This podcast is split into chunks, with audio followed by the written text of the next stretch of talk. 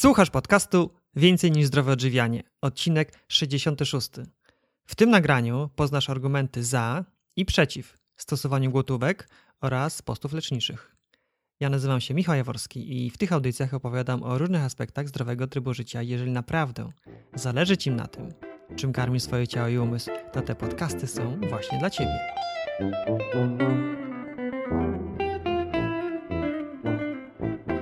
Cześć, witam Cię jak zwykle bardzo serdecznie w kolejnym, tym razem już 66. odcinku podcastu Więcej niż zdrowe odżywianie.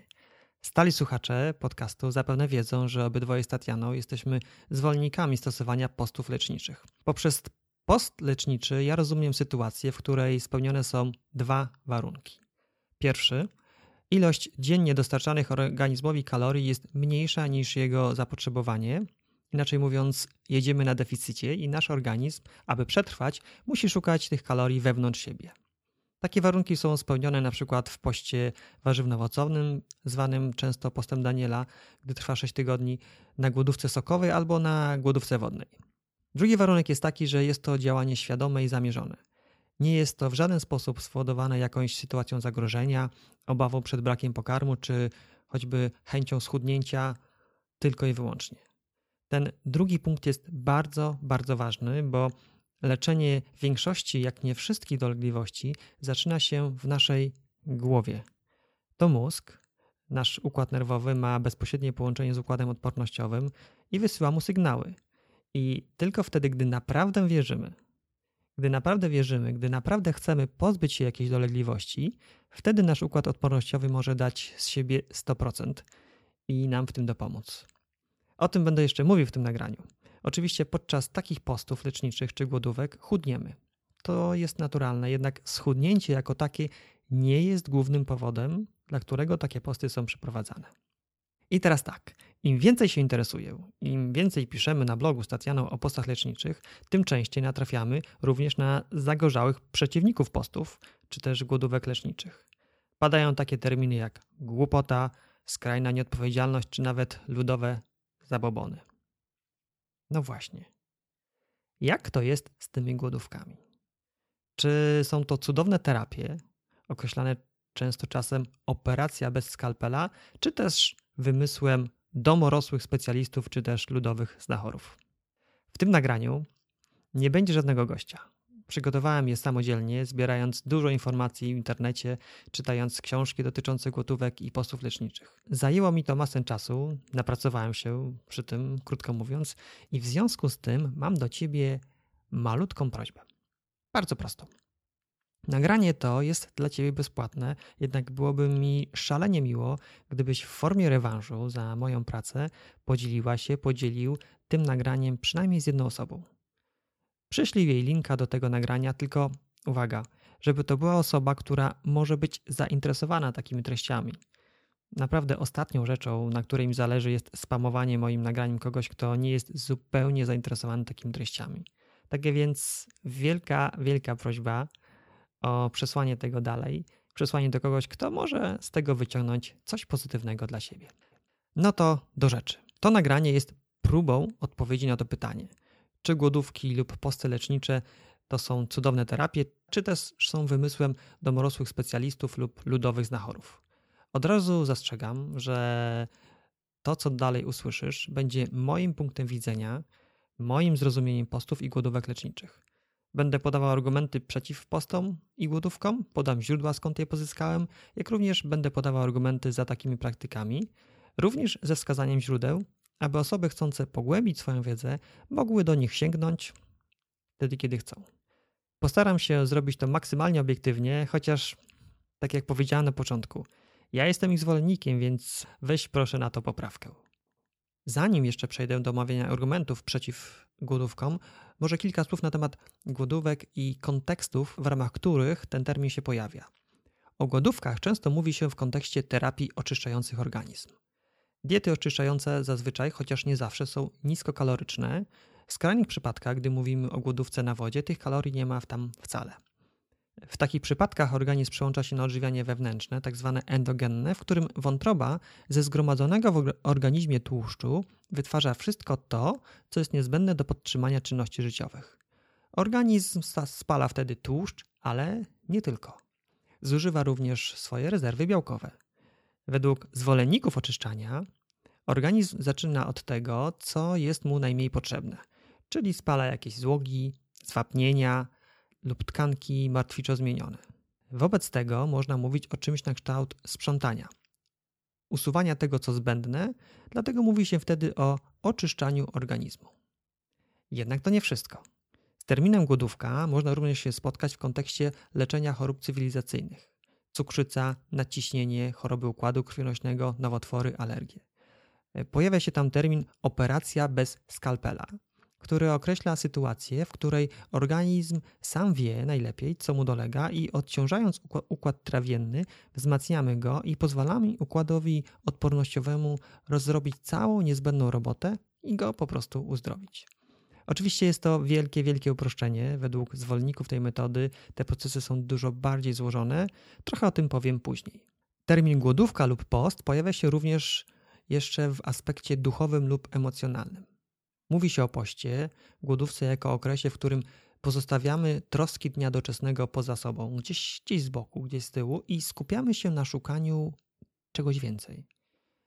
Dla wierzących może być to wzmacnianie swojej wiary, dla artystów szukanie natchnienia, a dla aspirujących do bycia wojownikiem szukanie wewnętrznego ja, które daje nam siłę. Terminy te są różne, jednak nieodzownie okres postu, głodówki utożsamiany jest ze stanem skupienia, wyciszenia i takiej większej świadomości, świadomości samego siebie. Mówię o tym dlatego, abyś wiedział, że głodówka czy post leczniczy to nie jest tylko po prostu głodowanie, ale dla osób je praktykujących jest czymś dużo, dużo szerszym i głębszym. No dobrze, to teraz przejdę do konkretów. Zacznę od argumentów przeciwko głodówce. Ze źródeł informacji, w mojej ocenie propagujących medycynę akademicką, najbardziej cenię kanał YouTube'owy pod mikroskopem prowadzony przez Patryka. Patryk jest lekarzem, absolwentem Akademii Medycznej i posiada bardzo bogate doświadczenie kliniczne. Na tym kanale w dość prosty sposób wyjaśnia różne zawiłości funkcjonowania organizmu człowieka. Ma na nim m.in. film obalający podkreślam, obalający zasadność głodówek leczniczych i terapii oczyszczających organizm. Film jest pod tytułem Głodówki pomagają czy szkodzą. Oczywiście linka do wszystkich przytaczanych źródeł i materiałów podam w notatkach do tego podcastu. W tym filmie Patryk rozprawia się bezlitośnie z mitem zasadności stosowania głodówek długoterminowych szczególnie. On mówi wprost, iż medycyna konwencjonalna bardzo rzadko zaleca głodówki jako formy terapii lecznicze. Sporadycznie bardzo zaleca się je przykład przy zapaleniu trzustki. Dalej Patryk wyjaśnia, że nie ma obecnie żadnych dostępnych publikacji ani dowodów na ich skuteczność. Domyślam się, że chodzi o publikacje uznawane przez medycynę akademicką. Takie badania kontrolowane muszą być przeprowadzane na odpowiednio dużej grupie kontrolnej z wykorzystaniem środka np. placebo, aby uniknąć przypadkowości wyników i mieć rzeczywiste porównanie skuteczności terapii. Do tego muszą być zachowane procedury, aby uniemożliwić wszelkie nadużycia mogące mieć wpływ na ostateczny wynik badania. Krótko mówiąc, jest to długotrwały i bardzo kosztowny proces, na który zazwyczaj decydują się firmy farmaceutyczne, gdy chcą na rynek wprowadzić jakiś produkt, lek, na którym no, będą potem zarabiać. To oczywiste, że nikt nie robi takich badań tak po prostu, aby były. Dalej, Patryk przedstawia całą listę medycznych, naprawdę bardzo konkretnych, powtarzam, bardzo konkretnych argumentów, przeciwko głodówkom. Nie będę ich tutaj wszystkich wymieniał. Zainteresowanych odsyłam do źródła, czyli filmu Patryka. Wspomnę tylko o zmniejszeniu się liczby mitochondriów, przez co już po głodówce będziemy na przykład szybciej tyć, pojawi się efekt jojo. Dalej Patryk wspomina, że spadek ilości mitochondriów może spowodować spadek energii odczuwanej, na przykład, że nie mamy tyle siły, trudniej będzie nam uprawiać sport lub nawet wykonywać takie podstawowe czynności fizyczne.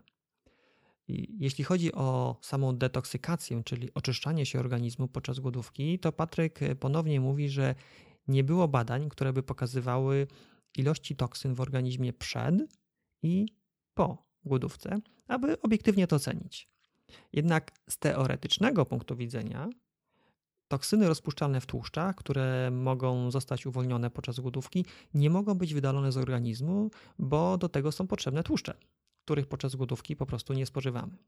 We filmie jest naprawdę wiele argumentów, które nie ukrywam, dość skutecznie mogą zniechęcić do podjęcia głodówki. Jednak w mojej ocenie oparte są one w dużej mierze o wiedzę teoretyczną, a nie konkretne przypadki osób, które przez głodówkę nabawiły się jakichś dolegliwości. Jeżeli jest inaczej, jeżeli są osoby, które przez głodówkę rzeczywiście nabawiły się jakichś problemów, to bardzo chętnie się o tym dowiem. Piszcie komentarze, piszcie do mnie maile, zapraszam. Już na sam koniec filmu Patryk przychylnie wypowiada się na temat jednodniowych głodówek. Jednodniowych, czyli na przykład jeden dzień w tygodniu. Mówi, że to dobry sposób na spadek masy ciała i zmniejszenie ryzyka chorób układu sercowo-naczyniowego. Podsumowując, według Patryka z kanału Pod Mikroskopem, lekarza medycyny akademickiej, głodówki wielodniowe zdecydowanie nie, a jednodniowe maksymalnie raz w tygodniu. Drugim źródłem, w którym autor dość krytycznie wypowiada się na temat detoksu przez dietę, jest artykuł Damiana Parola zatytułowany Czy detoks przez dietę jest możliwy? Damian był gościem mojego podcastu. Był to odcinek 45 zatytułowany W poszukiwaniu idealnej diety. Jeżeli jeszcze go nie słuchałeś, to zachęcam. Dowiesz się z niego, jak ułożyć najlepszą dla siebie dietę i na przykład jakie pułapki czekają cię przy próbie zmiany diety. Damian swój artykuł zaczyna od stwierdzenia: jeśli nie czytasz tego z łóżka na oddziale toksykologii, to bardzo mało prawdopodobne, że jesteś zatruty. Powtórzę, jeśli nie czytasz tego z łóżka na oddziale toksykologii, to bardzo mało prawdopodobne, że jesteś zatruty. Takie stwierdzenie sprowadza proces detoksykacji, oczyszczania organizmu do sytuacji, w której mamy w sobie dużą, czasem śmiertelną dawkę trucizny, toksyn. Dawkę, która wymaga hospitalizacji. Oczywiście na tak postawione pytanie, no, bardzo łatwo jest odpowiedzieć nie, bo większość z nas nie ma w sobie takiej ilości toksyn, więc prawdopodobnie większość z nas nie musi się kierować do szpitala, ale czy się nie musi oczyszczać? No dobrze. Dalej Damian przedstawia różne popularne terapie oczyszczające, np. koktajle warzywno-owocowe, przyprawy i zioła, głodówki niskokaloryczne w zestawieniu z ich skutecznością sprawdzono na zwierzętach. Wynika z nich, że faktycznie Niektóre z nich mają pozytywny wpływ na pozbywanie się z organizmu wybranych metali ciężkich i toksyn, jednak tu bardzo ważna uwaga. Takich testów nie przeprowadzono na ludziach, więc ciągle nie wiemy, czy u ludzi to po prostu zadziała. Pod koniec Damian wspomina o pewnych aspektach zdrowotnych diet niskokalorycznych, np. diety dr Ewy Dąbrowskiej, jednak uważa, że zdecydowanie nie działają one detoksykująco. Chcących poznać cały artykuł odsyłam do źródła artykuł Damiana Parola, czy detoks przez dietę jest możliwy. Link do niego będzie w notatkach do tego podcastu. Długo zastanawiałem się, na ile źródeł będących przeciwko głodówkom i oczyszczaniu organizmu się powoływać. Można ich przeczytać więcej, jednak w mojej ocenie nie wnoszą one nic nowego. Główne argumenty, które tam znajduję, to brak wiarygodnych badań na ludziach, badań potwierdzających ich skuteczność. Co ciekawe, moja obserwacja jest taka, że te opinie w 100% przytaczane są przez ludzi, które takich głodówek czy postów leczniczych po prostu nie przeprowadzały. Nie spotkałem się jeszcze z żadną publikacją, przykładem osoby, która po przejściu takiej terapii wypowiedziała się o niej negatywnie. Tylko uwaga, wyraźnie mówię po przejściu. Znajdziemy wiele wypowiedzi osób, które próbowały, ale z różnych powodów mm, odpadły w przedbiegach. O tym, jakie mogą być powody takich nieudanych zrywów, będę też mówił w dalszej części tego nagrania. Więc jeżeli ktoś zna przykłady poprawnie przeprowadzonych postów leczniczych, które komuś zaszkodziły, to również proszę, bardzo chętnie się z nimi zapoznam. Piszcie maile, komentarze. Tak jak mówiłem, te informacje są dla mnie bardzo ważne, bo po prostu chcę mieć jak najszerszy ogląd tej sytuacji. Wszystkie informacje będą w notatkach, jak również komentarze też możecie pisać w poście, który jest z tym podcastem. Od razu podaję adres www.więcej ukośnik P066. Tam można pozostawiać komentarze i tam też będą notatki z linkami do wszystkich źródeł, na które się powołuję w tym podcaście. A teraz po krótkiej przerwie przejdziemy do argumentów za gotówkami leczniczymi.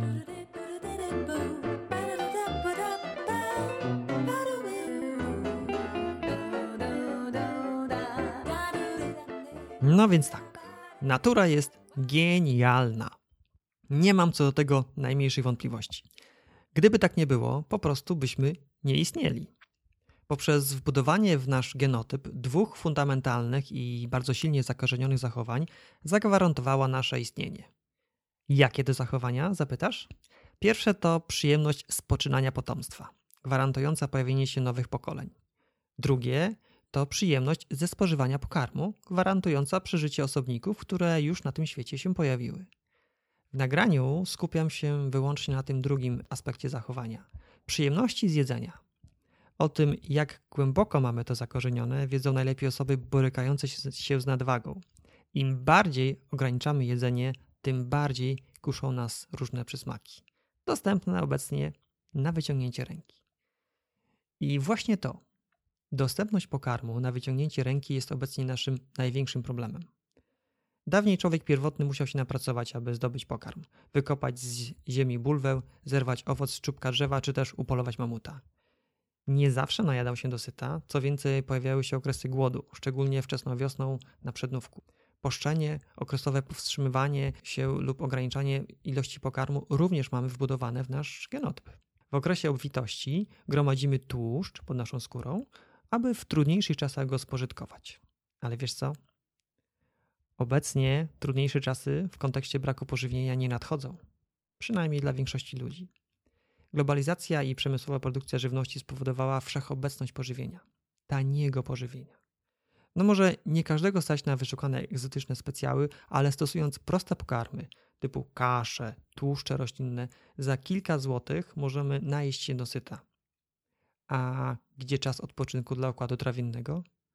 A gdzie czas na spalenie zgromadzonego tłuszczu? Nie ma. Przyglądając się tradycji różnych kultur, prawie w każdej można się dopatrzeć czegoś na kształt postu. Mi najbardziej znany jest sześciotygodniowy Wielki Post, mający miejsce przed świętami Wielkiej Nocy, ale to nie wszystko. Podobnych tradycji można się dopatrzyć w kulturach Dalekiego Wschodu, gdzie powstrzymywanie się od pokarmu było również praktykowane, w szczególności w połączeniu z, np. z medytacją. Również u ludów pierwotnych, np. Indianie, inicjacja wojownika była poprzedzona okresem postu, oczyszczania. Przykłady naprawdę można mnożyć. Tak żyliśmy jako ludzie przez dziesiątki tysięcy lat. Sytuacja zaczęła się diametralnie zmieniać mniej więcej 100-200 lat temu w czasie rewolucji przemysłowej.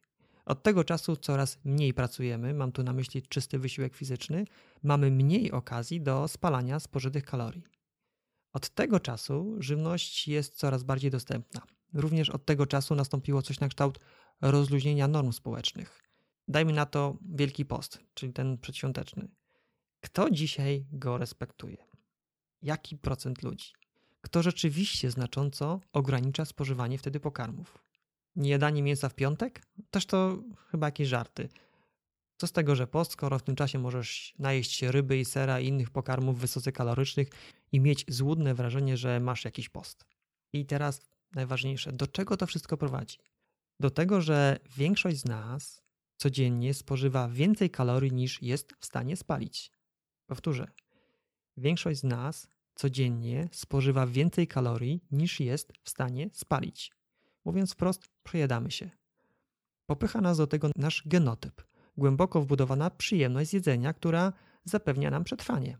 Ułatwia nam to łatwo dostępne, wszechobecne, dostępne na wyciągnięcie ręki jedzenie.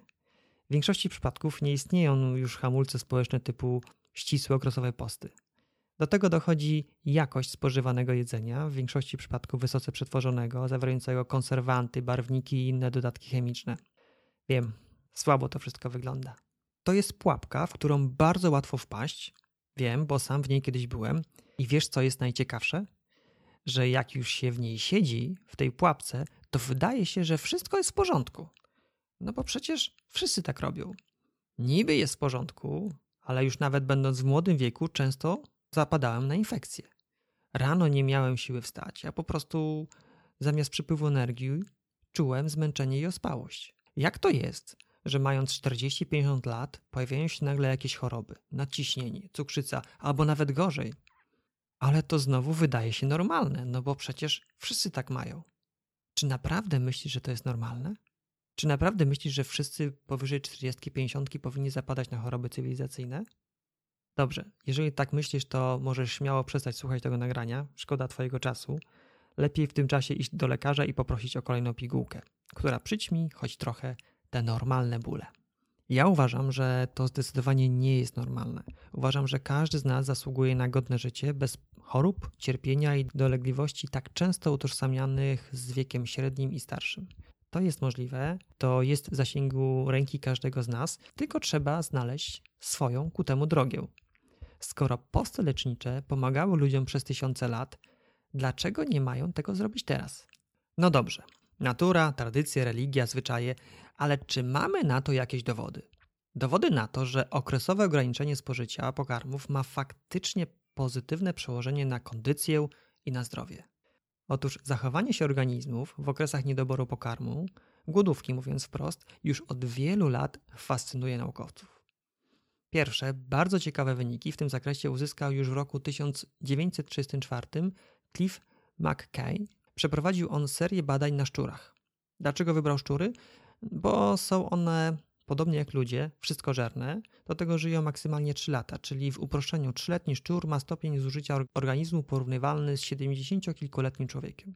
Dzięki temu jakby w przyspieszonym tempie można obserwować jak na przykład zmiany w diecie wpływają na kondycję organizmu, w tym przypadku kondycję organizmu szczura. Podczas swoich badań Cliff McKay odkrył, że głodówka dwa dni w tygodniu przedłuża życie szczurów średnio o 50-60%. Powtórzę, głodówka dwa dni w tygodniu przedłuża życie szczurów średnio o 50-60%. Co więcej, choroby zwyrodnieniowe u głodujących szczurów występowały dużo rzadziej niż w grupie kontrolnej, odżywianej normalnie. W dalszym etapie eksperymentu grupie poddanej głodówce co 3 miesiące dodawano większe ilości pokarmów umożliwiające regenerację i odbudowę organizmu. Jednocześnie badano zmieniające się parametry i wielkość kluczowych organów ich organizmów. Na tej podstawie zaobserwowano, że w okresie głodówek organizm spala, zużywa mniej, najmniej ważne dla życia fragmenty komórek, oszczędzając ważniejsze białka i kompleksy strukturalne. Natomiast w okresie odbudowy, wtedy gdy jedzenia jest więcej, odbudowywane są w pierwszej kolejności ważniejsze dla życia fragmenty organizmu. Na tej podstawie wprowadzono termin tzw. Tak hierarchia ważności, która definiuje, iż w przypadku głodu organizm zużywa to, co mu jest najmniej potrzebne, po to, by w okresie prosperity, gdy jedzenia jest więcej, odbudowę zacząć od najbardziej potrzebnych, kluczowych komórek organów organizmu. To było badanie z 1934 roku, przeprowadzone przez Cliva McCleya Link do tego badania, do jego wyników, jak one było przeprowadzone, oczywiście też znajdziesz w notatkach. Drugim ciekawym osiągnięciem ze świata nauki, osiągnięciem związanym w dość bezpośredni sposób z okresami niedoboru pokarmu, głodu, są badania japońskiego naukowca Yoshinori Osumi. Już od wczesnych lat 60. XX wieku naukowcy obserwowali, że komórki są w stanie niszczyć swoje własne części składowe, np. białka. Nazwali to autofagia. Autofagia jest procesem, poprzez który komórki organizmu trawią obumarłe lub uszkodzone elementy swojej struktury w celu zaspokojenia swego zapotrzebowania na energię. Co bardzo ważne, nie chodzi tu o zwykłe usuwanie produktów przemiany materii. Po uruchomieniu mechanizmu autofagii komórka rozkłada uszkodzone fragmenty samej siebie, trawi się, a uzyskany materiał budulcowy używa do odbudowy. Taki recykling.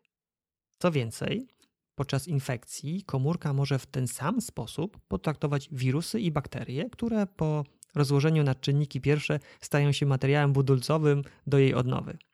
Wspomniany naukowiec wyszedł od badań komórki drożdży. Niedługo później udowodnił, że podobne zjawisko zachodzi we wszystkich komórkach posiadających jądro, łącznie z komórkami człowieka. Za swoje odkrycia otrzymał 3 października 2016 roku Nagrodę Nobla w kategorii Medycyna. Link do informacji o Nagrodzie Nobla i zakresu jego badań jest oczywiście w notatkach. I teraz uwaga. Komórki uruchamiają autofagię w sytuacji niedoboru składników odżywczych. Ja to powtórzę, to jest bardzo ważne. Komórki uruchamiają autofagię w sytuacji niedoboru składników odżywczych. Dokładnie taki sam mechanizm zachodzi w naszych komórkach podczas głodówki lub postu leczniczego. Gdy przestaniemy dostarczać pożywienie z zewnątrz, wtedy komórki organizmu włączają mechanizm autofagii i zaczynają zużywać to, co w nich jest najmniej potrzebne. Rozkładane są skumulowane produkty przemiany materii, zdegenerowane fragmenty komórek, wirusy, bakterie i inne patogeny chorobowe. To tyle, jeśli chodzi o badania, do których dotarłem, a teraz może coś z naszego praktycznego podwórka. Czy i jak to działa na człowieka? W Polsce najbardziej znaną zwolenniczką i popularyzatorką postów leczniczych jest dr Ewa Dąbrowska. Pani Ewa stosuje dietę warzywno-owocową zwaną też postem Daniela. Nazwa posty Daniela wzięła się ze Starego Testamentu, w którym taki post jest, jest już opisany. Już w drugiej połowie XX wieku na zarządzanych przez panią Ewę oddziałach szpitalnych prowadziła leczenie warzywami z dużą przewagą marchewki, która wtedy była najbardziej dostępna. Pani Ewa stosowała tę terapię wobec osób, na które nie działały żadne znane ówczesne terapie medycyny akademickiej. Jej terapia polegała na spożywaniu wyłącznie niskokalorycznych i niskobiałkowych warzyw, dozwolone jest kilka kwaśnych owoców. Najadać się można dosyta, jednak z uwagi na dostępny wybór pokarmów dziennie jesteśmy w stanie spożyć maksymalnie 800 kalorii. Pani Ewa osiągnęła i nadal osiąga znakomite rezultaty, szczególnie wobec chorób tzw. Tak cywilizacyjnych, czyli cukrzyca, nadciśnienie, problemy układu sercowo-naczyniowego. Taki post warzywno-owocowy można stosować maksymalnie 6 tygodni. O osiąganych efektach wyczerpująco opowiada na dwóch filmach. Linka do nich znajdziesz w notatkach do tego podcastu.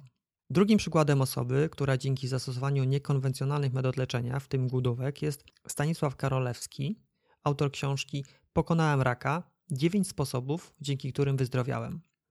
Stanisław był gościem 27 odcinka mojego podcastu pod tytułem Jak pokonać raka i z rozbrajającą szczerością opowiada o swojej historii, o tym, jak pokonał tę bardzo ciężką chorobę.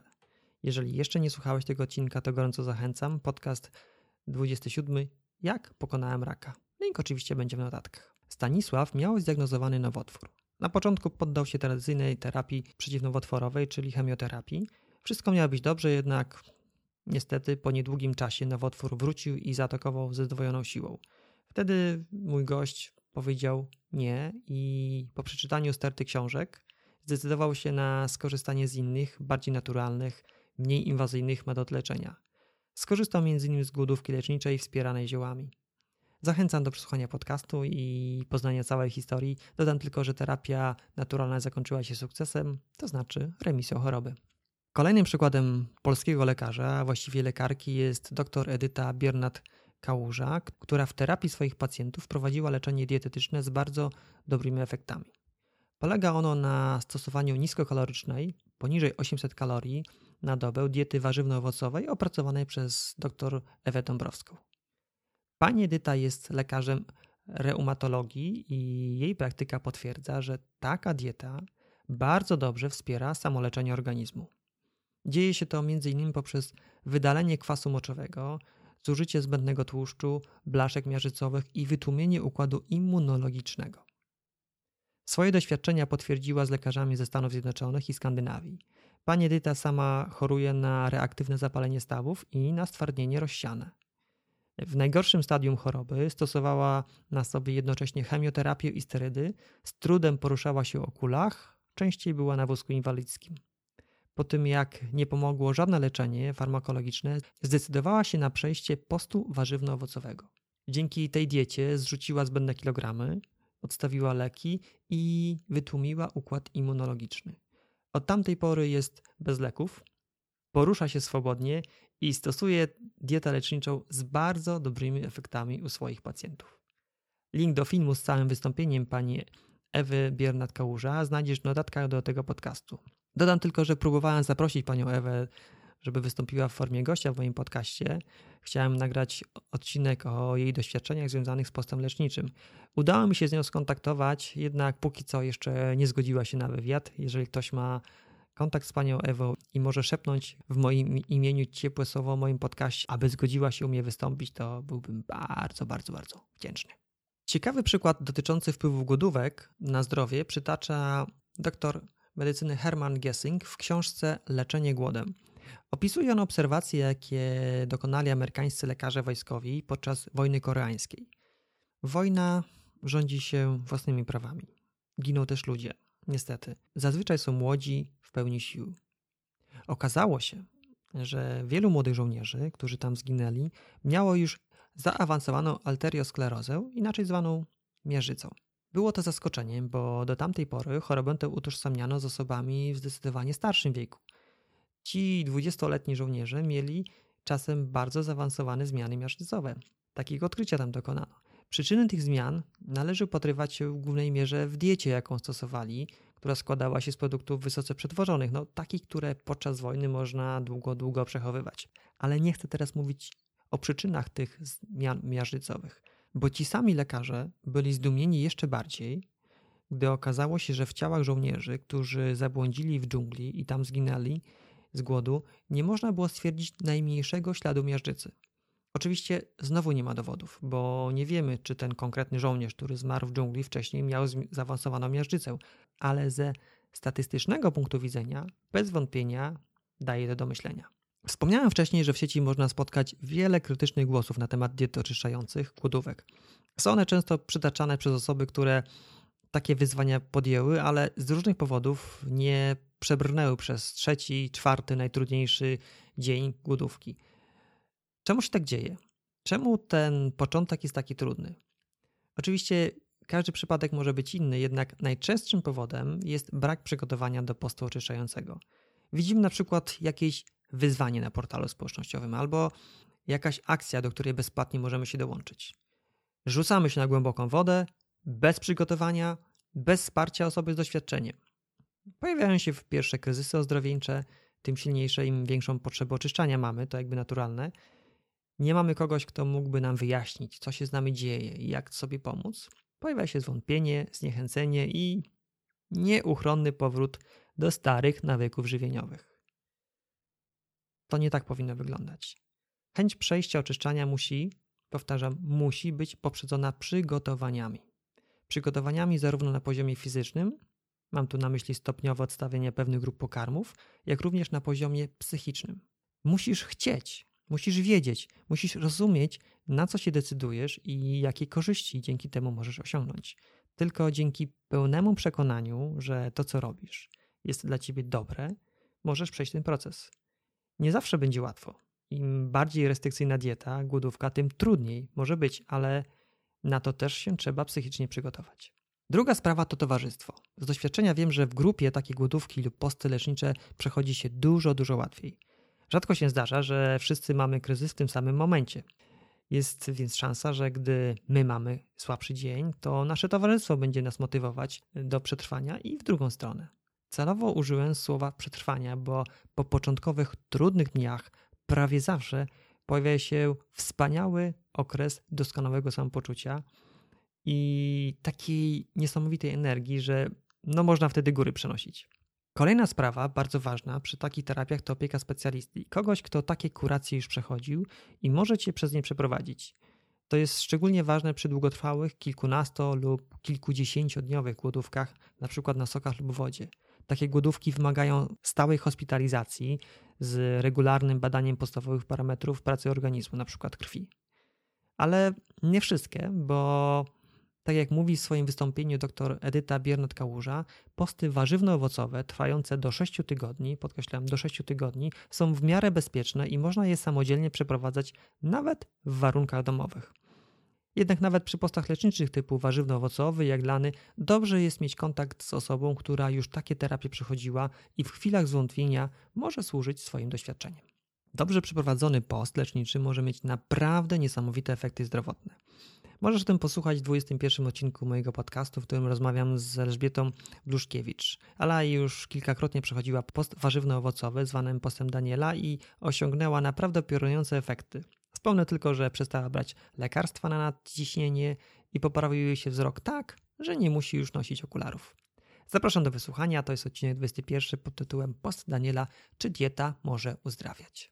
Możesz się zastanawiać, jak w praktyce wygląda oczyszczanie, np. warzywno-owocowe i jakie efekty można dzięki nim osiągnąć.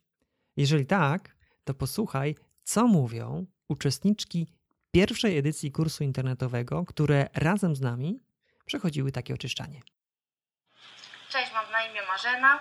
Wzięłam ostatnio udział w kursie oczyszczania Tatiany i Michała z bloga Więcej niż zdrowe odżywianie. Cześć, mam na imię Irena. Cześć, jestem Ola. Niedawno kończyłam moje pierwsze oczyszczanie. Skończyłam 72 lata. E, od dwudziestu kilku lat zajmuję się profilaktyką zdrowia. Od ponad 26 lat miałam problemy z odcinkiem szyjnym kręgosłupa. Po prostu szyja nie obracała się w lewą stronę. E, pewnego dnia zauważyłam, że bez najmniejszego problemu potrafię obrócić głowę w lewo. Mi osobiście poprawił się wzrok, schudłam 8 kg i wagę utrzymuję. E, przed oczyszczaniem chorowałam, znaczy choruję nadal, ale zminimalizowały się e, dolegliwości. Reumatoidalne zapalenie stawów i miałam stan przedcukrzycowy. Po dwutygodniowym oczyszczaniu warzywno-owocowym ustąpiły mi bóle stawów, zarówno bioder, jak i kolana. Było tak już, że nie mogłam chodzić po schodach i dzień zaczynałam od olfenu. Zmniejszył mi się cukier. Ustąpił mi także ból po kontuzji, bo miałam zerwany mięsień e, dwugłowy uda. Miałam również ogromne kłopoty od ponad 6 miesięcy z nogami. Lekarze stwierdzili zespół niespokojnych nóg. Okazało się, że lekarstwa w ogóle nie były potrzebne po kilku dniach oczyszczania zaczęłam spać jak niemowlę i tak jest do tej pory. Zniknęły mi worki pod oczami, e, stałam się mniej nerwowa, lepiej sypiam. Moja cera nabrała blasku, przestałam używać podkładu, tak. Nie puchną mi oczy, rano wstaję rzeźka, wypoczęta. Poprawił mi się także stan włosów i paznokci no jestem bardzo wdzięczna Wam za, y, za ten kurs, bo przede wszystkim nauczył mnie fajnych y, nowych potraw. Y, ogromna ilość ziół, których stosuję teraz, nie stosowałam wcześniej. Przepisy są kapitalne. Generalnie oceniam go bardzo wysoko. Nie odczuwałam głodu. Posiłki były przepyszne. Nawet, nawet rodzina troszkę mi podkradała z garnków, więc musiałam pilnować swojego jedzenia. Kurs tutaj Tatiany i Michała bardzo mi się podobał, bo potrawy były bardzo proste w przygotowaniu, yy, bardzo smaczne. Potrawy, które yy, Tatiana przygotowała, yy, były bardzo smaczne, yy, szybkie w przygotowaniu.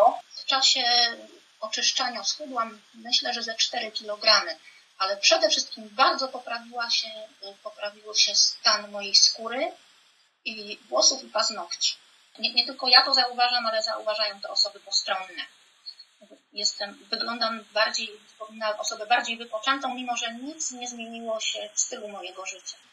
Po kursie oczyszczania też y, takim przyjemnym efektem jest to, że spada waga. Tak? Zrzuciłam dwa tygodnie 5 kg Miałam dużo wątpliwości, zanim do niego przystąpiłam, bo wydawało mi się, że nie wytrzymam 14 dni jedząc same warzywa i gotując normalne posiłki dla rodziny. Mile się zdziwiłam, kiedy okazało się, że po pierwsze, w ogóle nie jestem głodna, po drugie, mam dużo więcej siły e, i czuję się, czułam się doskonale. Czułam się tak dobrze, że postanowiłam to oczyszczanie przedłużyć o kolejny tydzień przepisy naprawdę bardzo dobrze przygotowane.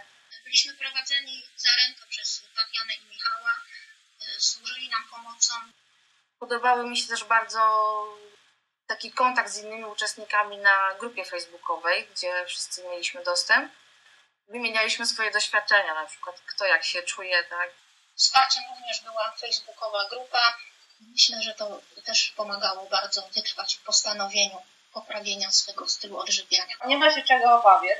Ja na początku też bałam się, że, że mi się nie uda, że nie wytrzymam, ale bardzo gładko mi przeszła mi dieta, że serdecznie polecam. Także wszystkim z całego serca polecam kursy organizowane przez Tatianę i Michała, ponieważ to już było moje drugie z nimi spotkanie, a pod tak wspaniałym kierownictwem jest wszystko naprawdę o wiele łatwiejsze do zrobienia kursie tutaj Tatiany i Michała czułam się naprawdę tak, jakbym była u bardzo dobrego, może nie lekarza, ale dietetyka, który mi doradzał, jak mam się odżywiać, co mam zrobić w danym dniu, czego się mogę spodziewać. Także czułam się bardzo pod dobrą opieką tutaj Tatiany i Michała. Zawsze byli pod ręką i można było się ich o coś spytać czy doradzić. Nie trzeba czekać na nikogo, nikt za nas tego nie zrobi i nigdy nie jest za późno. Tak jak mówiłem, takie oczyszczanie, taki post leczniczy dużo łatwiej jest przejść w grupie. Również dużo łatwiej jest, gdy nie musisz się zastanawiać, co danego dnia przygotować do jedzenia, tylko korzystasz z gotowych przepisów. A w sytuacji, gdy podczas oczyszczania w każdej chwili możesz zapytać kogoś, kto już to przechodził i może podzielić się swoim doświadczeniem, to oczyszczanie robi się już niemalże samo. Żartuję oczywiście, samo może nie, ale wtedy jest dużo, dużo łatwiej. To, co wcześniej usłyszałaś, usłyszałeś, to była relacja uczestniczek pierwszej edycji naszego kursu internetowego. I teraz, uwaga, uwaga, będzie reklama. Na koniec maja 2017 roku startuje na naszym blogu druga edycja takiego kursu. Jak on wygląda i jak przebiega, i jakie efekty można osiągnąć, właśnie usłyszałaś. Dzięki udziale w takim kursie internetowym możesz oczyszczanie przeprowadzić samodzielnie, nigdzie nie wyjeżdżając. Wystarczy mieć tylko dostęp do internetu. W ramach materiałów kursowych otrzymasz informacje, jak się do takiego oczyszczenia przygotować, jak je przejść i jak z niego wyjść, aby uzyskane efekty zachować jak najdłużej. Uczestnicy kursu otrzymują również pełen jadłospis z przepisami na cały okres oczyszczania. Do tego jest dostęp do zamkniętej grupy wsparcia, gdzie można zadawać pytania, wymieniać się informacjami, wrażeniami. Na grupie zawsze panuje niesamowita atmosfera wsparcia, radości, coś, co w znakomity sposób umila i ułatwia przejście do takiego oczyszczania. Na tej grupie każdego dnia oczyszczania razem z Tatianą odpisujemy na pytania uczestników kursu. Jak się stać szczęśliwym uczestnikiem takiego kursu? Sprzedaż drugiej edycji kursu Oczyszczanie warzywno-owocowe dwa tygodnie trwa do 28 maja 2017 roku. Potem zamykamy sprzedaż i skupiamy się na wspieraniu naszych kursantów. Jeżeli jednak słuchasz tego podcastu po tym terminie, to się nie przejmuj. Będą kolejne edycje, wystarczy, że wejdziesz na stronę sprzedażową kursu i zostawisz swój adres e-mail. My wyślemy Ci maila, gdy będzie znana data kolejnej edycji kursu. Ceny kursu celowo teraz nie podaję, bo jego druga edycja jest sprzedawana w promocyjnej, niższej cenie. Kolejna edycja będzie miała wyższą cenę i jeżeli słuchasz tego podcastu później, to po prostu nie chcę, żeby było Ci przykro, że wcześniej można było go kupić znacznie taniej. Niezdecydowanych zachęcam, taniej nie będzie. Więcej informacji o kursie, jego aktualną cenę, możliwość zakupu lub zapisanie się na listę oczekujących znajdziesz pod adresem www.więcejniżzdrowoodżywianie.pl ukośnik oczyszczanie. Powtarzam www.więcejniżzdrowoodżywianie.pl ukośnik oczyszczanie. Pisane bez polskich liter i bez spacji. Dodam tylko, że decydując się na zakup tego kursu, nic nie ryzykujesz. Jak to możliwe? Otóż, jeżeli kurs Ci się nie spodoba, albo jeżeli już po zakupie stwierdzisz, że nie możesz go przejść, to w ciągu 7 dni od daty rozpoczęcia kursu wysyłasz do nas maila, a my bez zadawania pytań zwracamy Ci 100% wpłaconej przez Ciebie kwoty. Dlaczego to robimy? Bo jesteśmy pewni, że to działa i chcemy, abyś bez ryzyka też się o tym przekonała. Tadam, koniec reklamy. Uff, to się nagadałem. Dawno już nie nagrywałem samodzielnie całego odcinka podcastu i już zapomniałem, jak to jest, ile to trzeba z siebie słów wyrzucić. Mam nadzieję, że wyszedł ciekawy materiał, który przekazał Ci tematykę głodówek lub postów leczniczych z dwóch różnych punktów widzenia, choć nie ukrywam, że może być pewna przewaga argumentów za, ale lojalnie o tym ostrzegałem na początku nagrania. Ciekaw jestem, jakie jest Twoje zdanie na ten temat. Czy leczenie głodem jest wybawieniem, operacją bez skalpela, czy też może szaleństwem? Napisz mi o tym w komentarzu. Ja osobiście wierzę w oczyszczanie, w szczególności jestem zwolennikiem postów zdrowotnych. Uważam, że dzięki nim pozbywamy się zbędnego tłuszczu i złogów, jednocześnie odżywiając organizm mnóstwem mikroelementów, enzymów i fitoskładników. Tak jak ma to miejsce na przykład na poście warzywno-owocowym. W kolejnym odcinku podcastu usłyszysz drugą część rozmowy z dr Grażyną Pająk na temat produktów spożywczych, które nam szkodzą. Tak jak mówiłem wcześniej, napracowałem się przy tym nagraniu i byłbym Ci niezmiernie wdzięczny, jakbyś w formie rewanżu linka do tego podcastu przesłała, przesłał przynajmniej jednej osobie, która może być zainteresowana z taką tematyką. Jestem pewien, że ta osoba kiedyś Ci za to podziękuje. A na dzisiaj to już wszystko. Było mi niezmiernie miło gościć u Ciebie. Mam nadzieję, że był to dla Ciebie dobrze spędzony czas i do usłyszenia w kolejnym odcinku podcastu. Cześć!